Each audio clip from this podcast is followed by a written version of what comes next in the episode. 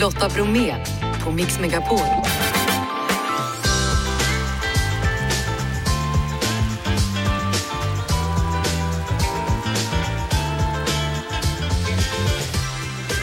Hallå där och varmt välkommen in till oss en ny vecka och nya program i dagens måndagsmix. Storbritannien och USA varnar för terrorråd i Sverige. Men Säpo höjer inte den här tröskeln på hotbilden. Hör terrorforskaren Hans Brun reda ut det hela. Rött ljus är bra för hälsan, det menar Fredrik Paulun som dyker upp efter halv sex. Vi laddar också såklart inför semifinalen mot Spanien, Heja Sverige i fotbolls-VM. Med både Rickard Henriksson och svenska fans på plats i Nya Zeeland. Patrik Isaksson gästar oss efter 17 och strax så blir det mer världsmästerskap. Michel Tornéus han har koll på friidrotts-VM, så jag säger som vanligt, Jeff! Ja. Janne? Jajamän. Ja, då kör vi!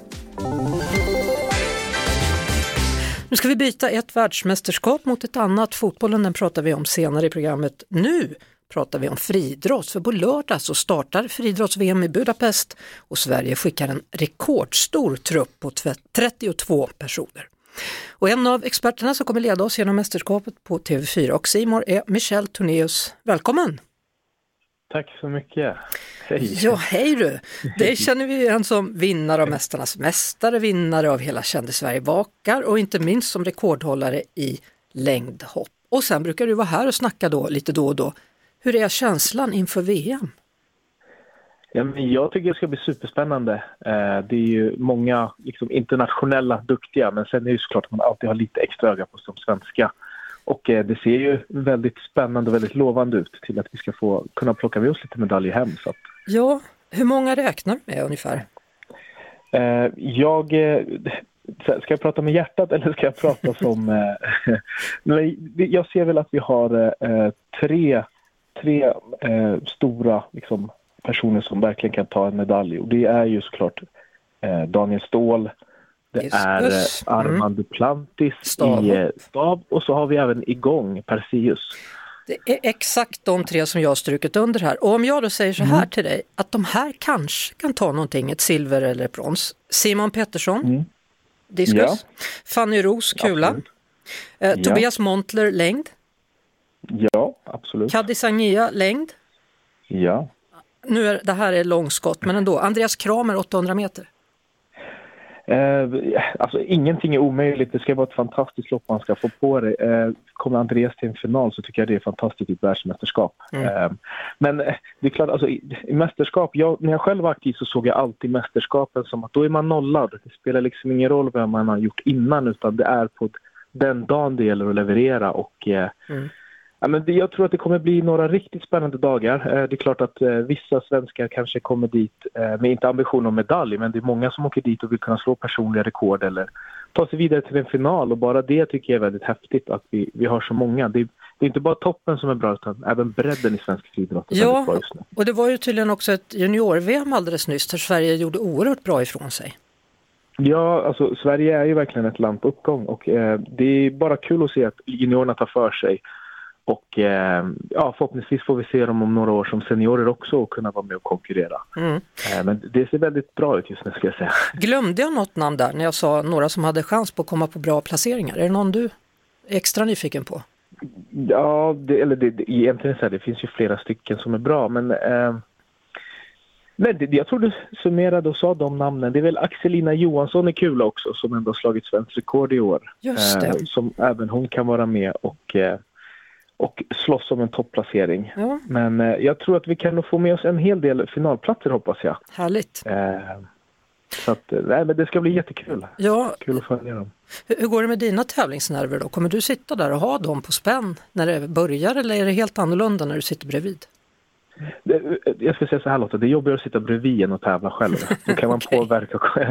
Det är jobbigare att sitta bredvid och, och heja. Men eh, jag ska egentligen bara försöka göra mitt jobb och guida eh, tittarna genom tävlingen och försöka förklara liksom, vad som händer och, och, och kanske dra upp lite egna, lite så behind the scenes hur det funkar att vara på, på ett friidrotts-VM. För det här är ju det absolut största du kan vara med på efter ett OS. Så att, eh, Mm. Ja, det, det, är mycket mer än att bara ta på sig spikskorna och gå ut och ställa sig och tävla utan det är en hel del förberedelser också. Eh, Det ska bli härligt att se dig då Michel Tornéus och lycka till. Det håller ju på fram till den 27 augusti. Ska du vara på plats hela mästerskapet eller?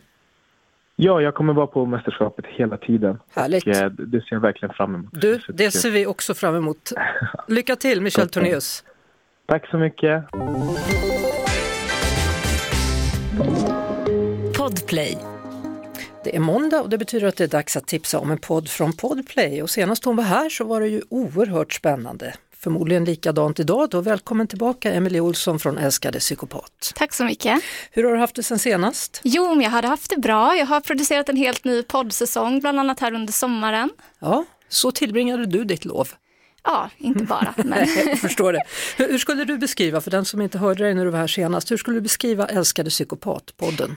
Älskade psykopat, det är en podd där män och kvinnor är med och berättar sina anonymt sina historier om destruktiva relationer, psykopater och narcissister inom familj och även chefer på arbetsplatsen. Kan det också vara så att någon du har pratat med kanske själv är psykopat? Jag har intervjuat en diagnostiserad psykopat, Ja, bland annat. och så flera som är odiagnostiserade säkert, vem vet. Eh, vi ska i alla fall lyssna då en bit av ett rykande färskt avsnitt eftersom det är en ny säsong av podden Älskade psykopat som är på gång. Det är ju så ovanligt, det är ju helt extremt ovanligt. Det konstiga är ju att jag tyckte att det var så vardagligt. Och sen när jag hade blivit lite varm i kläderna, då var det ju ofta mitt på dagen en rast. Och så tillbringar man ju natten med en man. Jag skulle gissa att det var ett par hundra. Oj, det är alltså Vera som pratar här. Berätta, vad är hennes historia? Vera är 60 plus idag och hon eh, var tonåring på 70-talet och drömde om att eh, frigöra sig och eh, syssla med kreativt arbete. Hennes föräldrar var akademiker och ville att hon skulle börja studera på universitet. Hon var 17-18 år och ville förverkliga sig själv. Hittar en tidningsartikel om en, ett kollektiv i ett annat land som utlovar att här får du utlopp för din frihet, kreativitet och så vidare. Så hon nappar på det och åker dit med en tjejkompis och när hon kommer dit så visar det sig vara någonting hon inte har förväntat sig. Det är en sekt helt enkelt. Ja, Sexsekt. ja bland annat så är det ju så att alla ja, har sex med alla. Och som hon sa i klippet här, det var ju flera hundra. Och Herregud. de motarbetade just parförhållanden, kärnfamiljs eh, idé och eh, det är mycket annat som händer här också.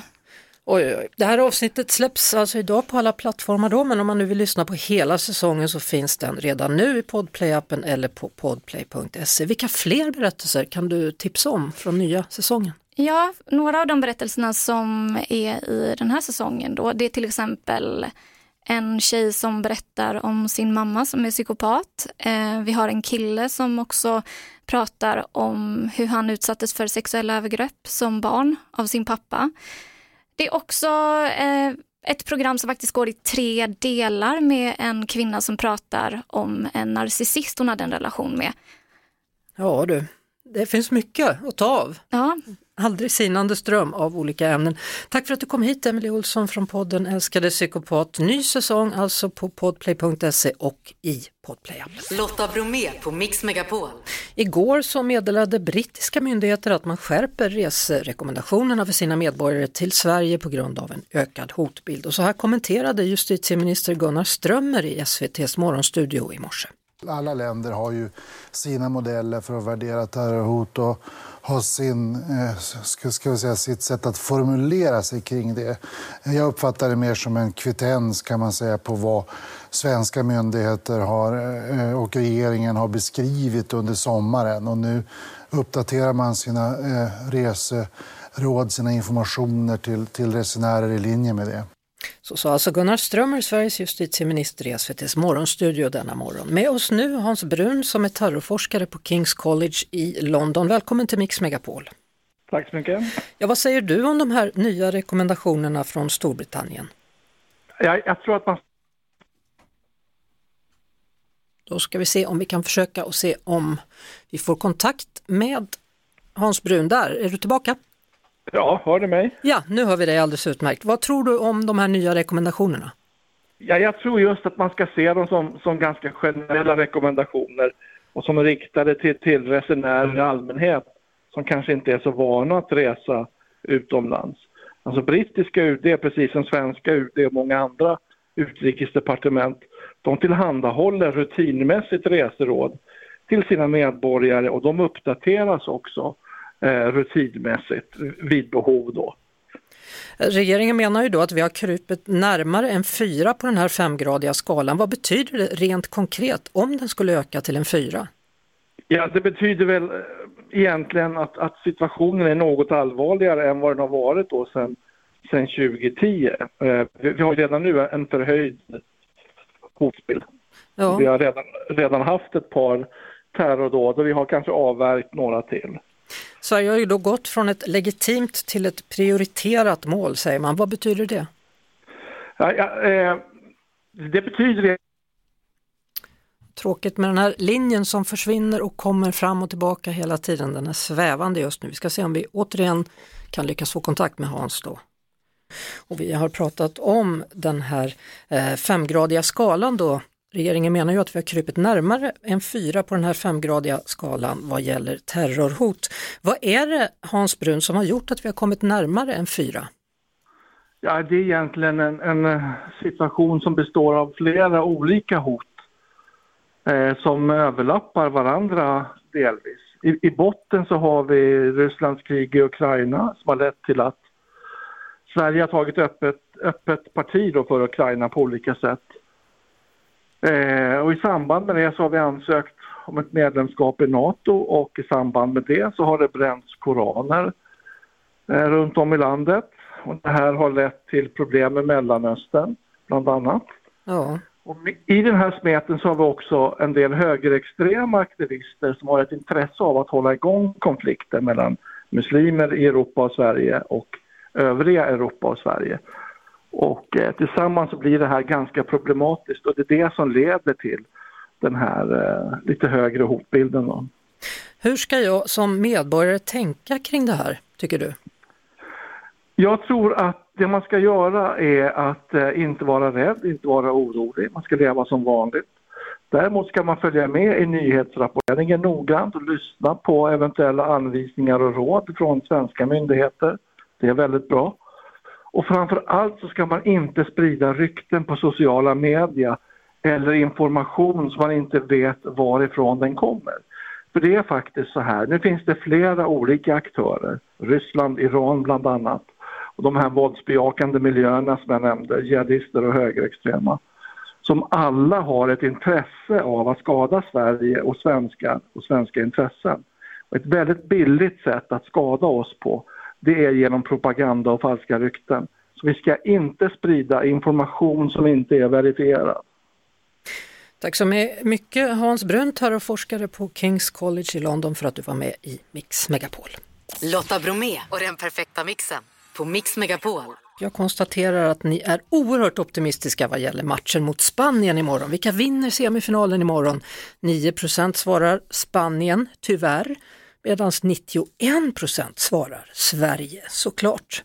Eh, sen har vi också kollat då hur ni ska se matchen, förhoppningsvis ute i solstolen skriver fru Söderman i Vavda, något sånt. Eh, Didrik 5890 skriver på jobbet, det ska vi också Janne. Ja. Det är dags nu igen för before work. Det var succé förra gången. Ja, så, så det, det, går ju inte att göra på något annat sätt, för då förlorar vi ju. Ja. ja. Eh, har du fixat grejer då så att allt är lugnt? Allting är lugnt. Eh, tröjan är inte tvättad eftersom vi vann förra matchen. Det är också riktigt bra. Eh, på telefonen på jobb skriver Marcus Brandin, på tvn skriver Emily medan Bettan 84 skriver via Messenger. Min man får hålla mig uppdaterad vi har ett jobb som gör att jag inte kan se. Eh, Schönfeldt skriver från Spanien, heja Sverige. Eh, alldeles strax ska vi prata med Rickard Henriksson och se vad han tror om morgondagens match då, semifinalen mellan Sverige och Spanien Förresten, Janne, du har en snygg tröja på dig idag. Hur kommer det gå ikväll? Det är premiär. Premiär för Manchester United, ja, mot ja. Wolves. Läskigt, ingen aning faktiskt. Har du ingen aning? Nej, det kan gå hur som helst, det är premiär. Nej, jo. det går inte hur som helst. Jo, det, går. det kommer gå bra. Det kommer bra, allt kommer bli bra. Rickard Henriksson, imorgon är det dags för semifinal för Sveriges del mot Spanien. Vad tror du? Jag är ganska optimistisk faktiskt. Alltså Spanien är ju ett jättebra lag, men det svenska landslaget, med tanke på hur bra man ju var i kvartsfinalen mot Japan, i alla fall den första timmen, och det måste vi faktiskt säga Lotta, det flitet som Sverige har haft hittills i den här turneringen, det verkar bara hänga i sig. Så att jag är lite försiktigt optimistisk faktiskt i den här semifinalen. Ja, till skillnad från när vi sågs förra veckan då, då var du lite så här svävande på om vi skulle slå Japan eller inte. Alltså, det var ju härligt att vi slog USA i åttondelsfinalen på straffar. Det var ju jättehäftigt och inte minst spännande. Men, men, Sverige var ju inte bra i den matchen. USA var ju mycket bättre, men, men mot Japan, det var den bästa landskamp jag har sett Sverige göra på, på väldigt länge. Mot också ett jättebra lag som Japan är. Så det, har fått, det har fått upp mig lite i min, min tro på att det här faktiskt kan gå hela vägen. Det läcker ju som alltid då laguppställningar och det som har läckt nu då är att Sverige kommer starta med beprövat recept. Precis, och det är ju ingen skräll alls. Det är ju egentligen den startelva som Peter Gerhardsson har valt hela vägen här, förutom då i den tredje gruppspelsmatchen där han valde att liksom lufta reserver. Det har funkat. Alla spelare verkar ju vara fräscha, pigga, inte skadade och i form. Så att eh, det känns ju eh, helt korrekt och rätt och rimligt att det är de, de elva som startar matchen som har, som har gjort det till exempel hela vägen här i slutspelet. Mm. Så vad kommer Sverige att vinna med för siffror? Ska vi ta det till en straffsparksläggning igen? Har vi, har vi nerver för det? Vi har inte det, men de kanske har. Ja, de har det definitivt. Zecira Musovic har det definitivt. Jag tror att det kommer bli tajt, som sagt. Jag blir inte alls förvånad om den här matchen alltså, står oavgjort efter 90 minuter. Att det kanske blir en förlängning eller till och med straffsparksläggning. Men okej, jag stannar där. Jag tror att Sverige vinner efter förlängning. Det blir mitt tips. Och sen eh, så ville du gärna se en final mot England, men då måste de komma förbi Australien. Kommer de göra det? Kommer de klara den semifinalen tro? Så här, England är ett bättre fotbollslag än Australien. Det tror jag typ alla tänker, till och med australiensarna själva. Men det finns ju den här lilla magin då med Australien som absolut aldrig varit så här långt i ett stort mästerskap. De har ju hela sitt land bakom sig. Det är ju total fotbollsyra och fotbollsfeber i ett väldigt idrottstokigt land de kan nog rida ganska hårt på den framtidsvågen Australien. Men England är ett bättre lag, så därför har jag dem som favorit i den här semifinalen, eh, att, att ta sig vidare från den. Samtidigt kan det bli kul ifall Australien vinner, för det är en rolig final för Sverige i så fall, om vi vinner vår match, att spela mot just Australien, i Australien. Ja, verkligen. Vilken, vilken grej, vilken final. Och så kan man ju lägga till då också att Australien tränas ju av Tony Gustafsson, det vill säga de har ju en svensk förbundskapten och det skulle ju ge ytterligare en krydda i så fall till ett sånt möte. Nu har du tippat semifinalerna, hur det ska gå där. Då undrar jag bara, hur går det för United ikväll? Det är premiär i Premier League. Just det, Manchester Uniteds första match. Sånt vet jag engagerar dig Lotta. Ja. Eh, hemma mot Wolverhampton. Wolverhampton som ju bytt tränare här bara fem dagar till eh, premiären. United storfavoriter där. Där kan jag, det är mitt säkraste tips av dem jag ger här, faktiskt säga att jag tror att det blir eh, vinst för hemmalaget United. Åh, vad skönt. Tack för den här gången Rickard Henriksson och imorgon kollar vi matchen såklart. Det är klart vi gör det. Tack så mycket Lotta. Hej då! Hej! Lotta Bromé och den perfekta mixen på Mix Megapol. Patrik Isaksson har kommit in i studion. Hallå där! Tja! Hur är läget? Länge sedan. Ja, det var det. Du har torkat sen vi pratades vid förra veckan. Nej, jag har inte gjort det. Jag sparar även idag, idag i morse sparade jag. gick upp i tid i morse så var jag på samma ställe Djurnäset var jag på att spara. Så att jag kom precis in hit. Är det ditt nya liv det? Nej, jag har varit här i 12 år. jag har haft landställe grann. Jag, Djurnäset är mitt hem. Ja. Hörru du, nygift hyfsat. Ja, hyfsat. Grattis. Tack. Har ni haft smekmånad eller är det ni håller på med, med nu? Det. Jag har inte hunnit. För man, man, är så, man är så här, pandemin gör ingenting på två år, sen gifta sig, släppa skiva, flytta. Liksom, i och för sig samma stad, Örebro, men allting samtidigt. Det var, det var stresspåslag, jäklar. Men hur var det liksom att vänta då under pandemin på bröllopet, eller? Ja, det var det. Det var faktiskt så. Vi, vi, vi, vi ville gjort det tidigare och jag vet fler mitt ex annat ville göra samma sak, eller min, ja, ja. men det gick inte nu på min. Nej men så vi väntade ganska länge jag och Linda och, men sen så bara nu, nu, om vi inte gör det nu då kommer vi inte hinna, platta, turné, flytt, nej vi gifter oss nu. Fast det är ändå lite intressant för det, ni var väl bara, bara förlovade i två år? Ja. Ja, för det, en del är förlovade i 10-15 år. Ja, man sen... ju helt fel. Ja, man slår ett år, man förlovar sig, gifter sig ett år. Det ska man göra, men vi, pandemin tog, tog över. Ja, eh, det är 24 år sedan det bara sa pang, kan ja, man säga så? Ja. Du får göra som du vill 1999. Ja, mm. sjukt. Kommer du ihåg hur det var? jag gör ju faktiskt det. det är, jag jobbar på Sveriges Radio med dig bland annat då. Och Annika Lantz hade ju morgonpasset så hon sprang ju alltid och tittade på mig. Hon körde låten Nu för som vill. Så sprang hon i korridoren ut. Hej Patrik! Så sprang hon tillbaka. Så nu har jag kollat på han som sjunger. Så ja, vad var det du gjorde då? Var det skivarkivet? Nej, programarkivet hade programarkivet jag. Ja, jag hade hand om, ja, sista två, tre åren gjorde jag sommar, alla sommarprogram. Ja. katalogiserade och skrev in allt. Så att jag äl- älskar ju radio. Så du ville verkligen ta dig därifrån fast göra musik då? Jag tänkte så här, när man ska säga upp sig från Sveriges Radio, det går inte. Mm. Det finns ingen formulär. Nej, så jag fick ett blankt papper, skrev härmed säger jag Patrik Isaksson upp sig från Sveriges Radio. Skrev under. Och sen var det klart. Ja, Ja. till Lisa Söderberg. Eh, du får göra som du vill. Vem, vem handlade egentligen den låten om? Min bästa kompis Johan Berglund, vi var, han var basist i mitt första band och han, han knarkade väldigt mycket, gick på, gick på heroin och um, sista åren så var han ute in ur hem och så vi LV, LV, LVU? kanske? LVM eller LVU eller vad heter det, ja, Lagen och Vålum, ja, Mm. honom ett par gånger och han snodde sin pappas liksom stereo, gitarr, min gitarr pantsatte han för att få droger. Mm. Eh, men ja, den handlar om honom och eh, den, är, den här låten är översatt till massa språk, eh, holländska, tyska, engelska och så här. Och ingen fattar vad den, de sjunger om kä- kärlek. Mm. De, de översätter till kärlek, de fattar inte att det handlar om en kompis som inte var så bra. Hos dig är underbar då? Kärlek? Den är, nej, det, det, det sjuka, den får jag ofta sjunga på bröllop. Jag säger, varför väljer ni den här låten för? Jag har ju massa mer kärlekslåtar. Och så var det en anklagande låt. Jag säger, jag undrar om du är lika kär i mig som jag är i dig. Jag, vill, jag kräver ett svar. Alltså den är ju inte snäll någonstans. Liksom. Alltså vi måste lyssna på den. Okej. Patrik Isaksson. Hos dig är jag underbar med Patrik Isaksson. Och sen tog det slut eller? Ja, den där låten är så, den är så konstig, den, är, den lever sitt eget liv den här låten, den har verkligen gjort, gjort omgångar. Men kuriosa är, som ingen vet om, nu första, nu får att det bara var jag, bara jag och Anders som spelar på låten, det är bara vi två som spelar alla instrument. Glenmark pratar vi om. Ja, precis, Glenmark. Och vi, för vi hade en dag kvar i studion och så sa Anders, så gå hem och skriv en jäkla bra låt, han. Vi hade, redan, vi hade möte med er och med annan kanal då, sen senare, men Mm. annan kanal. Och SR var, så spelade upp Du får göra som du vill, Kom in med eld och Kan du se mig? Och så, så skrev jag den här låten hos dig underbar. Och så ringer Anders, Anders jag har en bra låt. Är du säker? Ja. Och då nynnar jag in den, jag nynnar in den till Anders i telefon. Han bara, okej, ackord, alltså visar ackorden i telefon. Mm. Så han får låten av mig på telefon. Jag åker på mötet med Sony Music med, med er, med radiostationerna, vi spelar upp så du får som vill. Och så ringer Anders två timmar, när, vi, när jag är på mötet ringer han till FR då, Sony Musics eh, vice vd, eller han. Stå pressarna, vi har en ny singel. och han har ingen text eller någonting på den. Och så blev det Ja, en hit. det. Ja, det. Alltså nu för tiden då, vem handlar låtarna om nu? Du har gjort ditt första fullängdsalbum nu på 12 år. Ja. Nej men det handlar ju om från, ja, innan grävde man ju lite grann sig i ryggsäcken, man tog långt tillbaks, man var ung och så.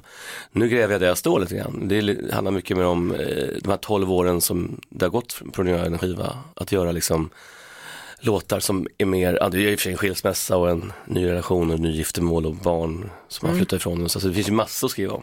Men just det här, mellan hopp och förtvivlan, är det så det har varit de här 12 åren? Ja men skriva, nej men göra en ny skiva var mellan hopp och förtvivlan, verkligen. Så- Skitkul, skitjobbigt, skitkul och nästa, nästa skiva heter En lång väg, för det är en lång väg. Och nästa skiva heter Från här och nu, så jag har tre skivor på tre år nu.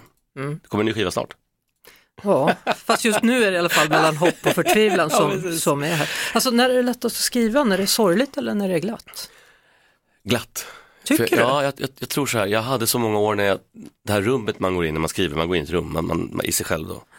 Eh, Det, det var så här, det var flykt i många år. Flykt från barndom, flykt från sorg och så. Eh, Men nu så vill man inte gå in, man vill inte fly, jag är ju nygift och kär och glad. Så då vill man inte fly, då vill man gå in i ett glatt rum. Mm. Och det är faktiskt det, det nu, nu är det kul. Det är inte ångest längre, det var ångest då. Bortom ropen, bortom skratten, Ja, är ju från senaste plattan då. då. ja. Den handlar om din son Mm, och er relation. Ja, han, fly, han, han och Tim flyttade ju med Sofia, då, deras mamma flyttade ner till Skåne för fyra år sedan. Och som pappa då, som innan pandemin hade mycket jobb och spelade mycket och borta mycket, så kunde jag inte säga någonting emot det. Och den handlar om att, liksom att hur svårt det är att vara tonårsförälder till någon som man inte träffar varje dag, eller, eller i alla fall varannan vecka, utan som man träffar då och då. Och vara med är svårt, och, för att man facetimar och ringer och så, man är ändå inte där, man gör inte läxorna, man kör inte till fotbollen, man, Mm. man missar det. Och det var det det handlar om, så den är väldigt så på riktigt. Och så småningom här så kommer det både album nummer två och album nummer tre, det är en Ja. trilogi. Japp. Det var väldigt vad du satte fart när du väl satte fart. Ja men det, var, det blev ju så, när man träffar en människa som Stefan Örn som är producent, är, han bara, jag har känt henne många år, nu kör vi, så nu, du har allting i dig. Jag bara, jag vet men jag har inte tordats. det, det, tiden går så fort och man gör ju så mycket, jag har ändå gjort jättemycket de här tolv åren. Jag och mm. Tom och gjorde slagen och turnéer och julgalor och sånt och sen har jag, jag och Ellen Bergström släppt en singel och jag har ändå gjort mycket. Mm. Men dock, nu äntligen. Alltså jag gillar det i dina låtar att det allt som oftast är ett litet stråk av sorg. Eller Mel längtan melankoli, eller melankoli. melankoli. Ja, det är kanske jag, ett bättre ord. Mellan, jag, jag tycker att i, i, just med musik så är jag mycket så och även i min, kanske i mitt hjärta men min personlighet är väldigt glad. Jag är väldigt glad men just det här är så viktigt för att i det finns det något så här bitterljuvt, sött och salt, det är så här, man verkligen har allting tycker jag. Tack, mm. bra, bra, bra, bra sagt. 25 augusti spelar du på Hasselbacken, yes. sen går du in i studion då tänker jag, eller? Ja, sen börjar vi, i september börjar vi igen och vi tar med mitt band som jag har haft sommar, vi har gjort en stor turné i sommar och vi flyttar in bandet i, i Atlantis-studion här i Stockholm och kör en till platta. Mm. Men nu, sen tar ni break innan nummer tre, ni kan ju inte bara köra på. Det blir Nej, ju... men vi, vi, släpper den plattan och sen gör vi en, gör, kommer vi göra en konsertturné mm. eh, och lite sommargig och så, men sen så kommer en till grej som är hemlig. som, jag, som, är som, jag, som, jag ska träffa i, på onsdag och göra klart. Det är så märkligt med de här människorna man bjuder in till det här programmet och sitter de alltid och säger ja, sen har vi en annan grej på gång vet du. Och sen vad var det? Ja, nej, det är hemligt vet du. Du får ringa en gång till. det var jag som ringde i och för sig. Det var du som ringde men Precis. vi får nog ordna till det på något vis. Eller hur? Tack för att du kom. Tack. Patrik Isaksson och lycka till med alla plattor. Tack. Lotta Bromé på Mix Megapol. Nu ska vi koncentrera oss igen på morgondagens stora VM-semifinal i fotboll. Dagen innan den stora semifinalen mot Spanien, det handlar om Sverige såklart, pratar vi med Anton Hertogs. Välkommen till Mix Megapol. Tack för det, tack för det. Ja du, imorgon är det dags. Hur kommer det att gå? Alltså vi har ju en väldigt bra känsla i maggruppen allihopa här och att eh, det kommer att gå bra. Vi tror att eh, spanjorskorna kommer ha bra mycket respekt för det svenska laget för att eh, de har gjort så oerhört bra ifrån sig. Hur har det varit att vara nere och följa det här VMet på plats? Det har ju varit lite av en, av en berg och dalbana. Gruppspelsmatcherna det börjar ju så här begränsat bra med att Sydafrika gör första målet tänkte man, jaha, hur ska det här gå? Och sen inför Italien-matchen tänkte vi att det där kommer inte gå bra alls. Första 20 så dominerade de ju ganska rejält, men sen så ja, visade vi dem var skåpet skulle stå. Och sen har det ju bara gått bättre och bättre och bättre. Och USA-matchen, det var ju ett fruktansvärt antiklimax att se det straffavgörandet. Ja, men inte antiklimax va? Det måste blivit ett rejält klimax till slut. Eh, till slut blev det ju det, men, men eh, alltså, ja, stå där eh, tio meter bakom målet och, och se liksom straffarna läggas, det var det är en mäktig upplevelse får jag säga. det förstår jag. Och det måste varit en mäktig ja. upplevelse att se hur svenskorna tog sig an Japan också. Bästa matchen hittills skulle jag säga. Det får man säga och det spelet de hade var ju oerhört bra. Och sen de sista 20 med, med alltså 10 ordinarie och 10 förlängningar, det blev ju liksom bara vad händer nu? De hade ju både straff och stolpskott och annat men eh, som tur var så gick det inte deras väg. Alltså när man är på plats så där som du är då och följer ett VM, lär du känna nya människor? Ja, men det har jag gjort. Jag, jag reste hit med min dotter, bara hon och jag. Och eh, ja, nu är vi ett gäng på 10-12 personer som, som åker runt och vi har ikväll och vi käkar middag innan matchen imorgon och eh, ja, imorgon före matchen kommer vi träffas. Och garanterat efter matchen också. Förhoppningsvis så kommer jag ha ett rejält firande att eh, få ha på, hålla på med istället för gravöl. Men eh, vi har superroligt ihop. Ja, men det som är bra är att det kanske inte behöver bli gravöl ändå för det finns ju en bronsmatch ifall det skulle vara så att vi får stryk imorgon. Absolut är det ju så, men eh, vi går ju för finalen, så är det ju. Självklart. Från ditt håll då, Anton Hertogs där borta i eh, Nya Zeeland. Vad blir slutresultatet i morgondagens match, Sverige mot Spanien? Jag tror att det kommer bli en väldigt jämn match. Den kommer att avgöras under ordinarie tid och vi kommer att vinna med 2-1. Vi hoppas att du får rätt då och eh, heja på det ja. svenska laget så att de får en tolfte spelare nu då. Ja, det ska jag göra rejält. Hälsa övriga i klacken. Det ska jag göra. Fint, Top. fint. Tack, tack. Hej, ja, hej. hej, hej. Du lyssnar på Lotta Bromé på Mix Megapol. Hörrni, jag vet inte hur det har varit för er den här sommaren men mycket solljus har i alla fall inte jag fått. Med mig i studion nu näringsfysiologen Fredrik Paulun som har skrivit boken Ljusrevolutionen. Vad har jag missat? Eh, solen antagligen. ja, det är intressant ska jag säga, för jag har använt de senaste åren att läsa väldigt mycket om ljus. För jag inser ju att ljuset har samma effekter på hälsan som nyttig mat.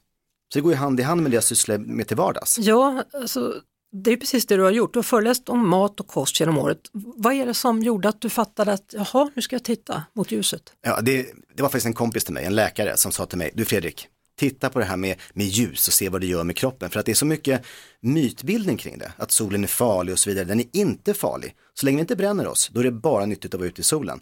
Och det häftiga är att solen går ju också in i kroppen. Man tänker på eh, solbränna, D-vitamin och allt det där, men faktum är att det går in upp till 15-20 centimeter in i kroppen. Jaha. Och vi kan göra ett experiment faktiskt. Alla lyssnare kan ta sin mobil, tända lilla ficklampan och där har vi vitt ljus. Det är precis samma som finns i solen egentligen.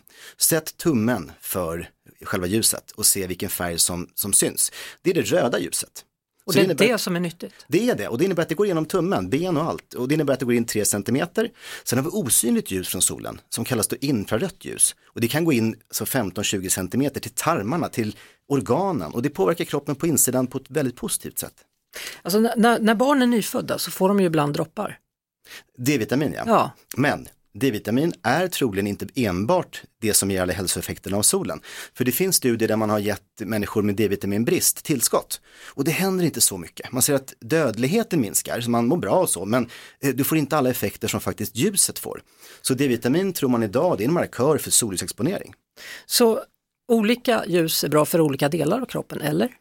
Man kan säga så här Lotta, att i grund och botten är det solen. Eh, det är den som vi är evolutionärt anpassade till. Så får du den, då får du allt du behöver. Sen finns det ju sån här rödljusterapi som man då kör bara rött ljus och det här är nära infraröda ljuset. Och det kan man se som en terapeutisk behandling. Det kan man eh, bekämpa smärta med, man kan påverka tarmfloran, hjärnan, massa saker. Men då är det mer som en terapeutisk effekt. Men för ditt välmående, allmänhälsa, då är solen det absolut viktigaste. Så infraröd bastu, är det bra eller dåligt? Ja, infraröd bastu är egentligen en del i det här spektrat, men det är mycket längre våglängder. Det kallas far infrared. Så det kan inte ersätta det här korta, eh, kortvågiga infraröda och röda ljuset. Det är de två våglängderna som verkligen går in i kroppen och aktiverar allting. Eh, det är ännu en bit kvar på sommaren då, Fredrik. Hur ska man göra för att maxa sitt ljusintag? Gör som jag, sätt dig ut och ät lunch till exempel. Då får du ändå eh, sol i ansiktet och kanske har kortärmat och kanske kjol eller, eller kortbyxor. Exponera så mycket hud som möjligt till solen. Och, och sen om det går, eh, komma ut så fort det går, när du får chansen, som ikväll kanske efter jobbet, kanske någon liten stund av solljus kvar. Utnyttja den, ta dig ut. Men, men kan man liksom ladda upp sig som ett uppladdningsbart batteri så att man är redo för vintern? Man kan säga så här, vad som händer när ljuset kommer in i kroppen, det är att dina celler producerar mera ATP. Det är energi som förbrukas och används, så att det hjälper kanske ett dygn eller så. Sen så behöver du solen igen. Men faktum är att de som solar mest i Sverige, de lever längst. Det finns jättefin forskning på det. Och det är då 29 000 svenska kvinnor man har följt under 20 år och ser att de som solar mest, alltså som vi beskriver nu, så mycket man kan och ändå klarar sig igenom den mörka tiden. Men inte bränner sig, notabene. inte bränner sig, precis det är viktigt. Men så länge man är solsökande så har man en lägre dödlighet oavsett orsak. Och det gäller olika cancerformer, hjärt-kärlsjukdomar, stroke, eh, allt sånt där. Och då är det likadant då, när det är vinter, då gör man på samma sätt då? Så Försöker- fort det är en liten stråle, ut bara. Försöker exponera. Sen de här kvinnorna i studien, där vet jag, de reste mycket också. Så de stack iväg till Kanarieöarna på, på vintern och så. Eh, Men, men solen behövs året runt. Vi lever ju i ett klimatiskt land, men på sommaren har ju Sverige bästa solen i världen. Den är snäll. Den bränner inte sönder oss. Vi har ganska lågt UV här. Då vet vi. Mm. Tack så mycket för att du kom förbi och berättade om det här, Fredrik Paulu. Tack. Hörrni, det börjar bli dags att säga tack och slut för idag. Eh, Vi som gör detta program heter Jeanette, Janne och Lotta. Dessutom vår producent då, Jeff Neumann. Vi är tillbaka imorgon och då ska vi bland annat prata om ufon. Ett poddtips från Podplay. I fallen jag aldrig glömmer djupdyker Hasse Aro i arbetet bakom några av Sveriges mest uppseendeväckande brottsutredningar. Går vi in med hemlig telefonavlyssning och, och då upplever vi att vi får en total förändring av hans beteende. Vad är det som händer nu? Vem är det som läcker? Och så säger han att jag är kriminell, jag har varit kriminell i hela mitt liv men att mörda ett barn, där går min gräns. Nya säsongen av Fallen jag aldrig glömmer på Podplay.